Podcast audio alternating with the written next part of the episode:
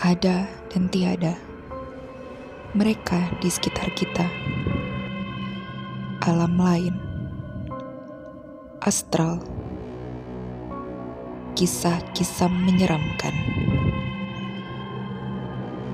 angker, jeram, cerita seram.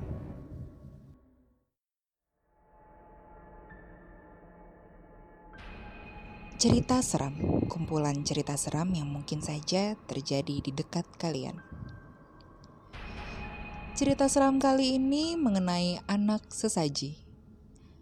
Kisah ini terjadi sekitar awal tahun 90-an di kota Tanjung Pandan, Pulau Belitung. Waktu itu kota ini belum seramai sekarang setelah booming buku Laskar Pelangi tulisan Andrea Hirata yang sukses difilmkan. Saat itu, kota Tanjung Pandan masih sepi. Kebanyakan orang memilih berdiam di rumah menjelang maghrib. Dan hari itu, Pak Yopi, seorang buruh tambang timah, pulang terlambat karena ada mesin pompa yang rusak. Dengan sepedanya, Pak Yopi menembus jalan setapak yang kiri dan kanannya dipenuhi oleh ilalang untuk menuju ke jalan raya. Di tengah jalan kecil itu, mendadak rantai sepedanya lepas. Payopi kaget dan segera menghentikan sepedanya.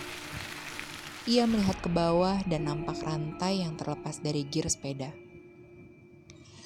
Di tengah memperbaiki sepedanya, Payopi menyadari suara jangkrik dan burung-burung tidak lagi terdengar. Mendadak suasana menjadi sangat hening. Pak Yopi merasakan bulu kuduknya merinding. Ia bangkit dan memutuskan untuk segera pergi. Tapi kemudian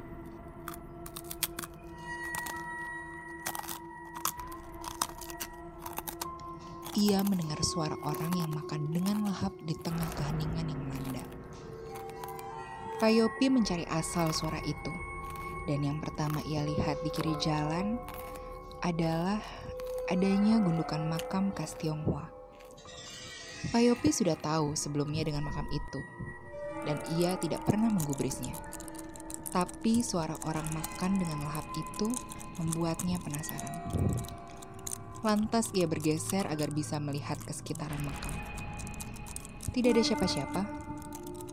Kemudian ia mendengar suara itu lagi di balik makam dengan sangat jelas. Perlahan ia mendekati sisi belakang makam dan melihat sosok anak kecil dengan menggunakan baju putih kusam makan dengan sangat lahapnya. Pak Yopi menegur. Bocah itu langsung berdiri membelakangi dan lari mengitari makam.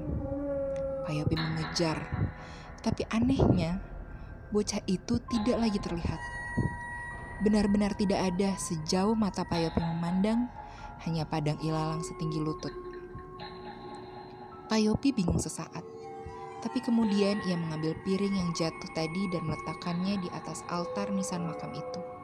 Dan untuk pertama kalinya, Payopi melihat potret sosok yang dimakamkan di sini. Sosok anak kecil mengenakan pakaian putih yang sama dengan yang ditegurnya tadi. Pak Yopi merasakan lututnya lemas. Apakah yang ia lihat tadi adalah roh yang dimakamkan di sini? Pak Yopi langsung mendorong sepedanya dan berharap bisa segera pergi jauh dari makam itu. Udara malam semakin dingin, namun ia merasakan hawa panas di punggungnya dan beban tumpangan di atas sepeda. Saat ia melihat ke belakang, tampak sosok roh bocah itu duduk dan tersenyum kepadanya. Pak Yopi menjerit dan berlari ketakutan.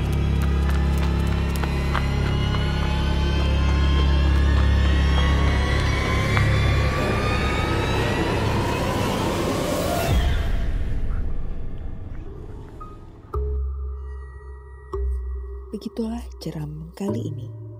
Nantikan cerita seram selanjutnya.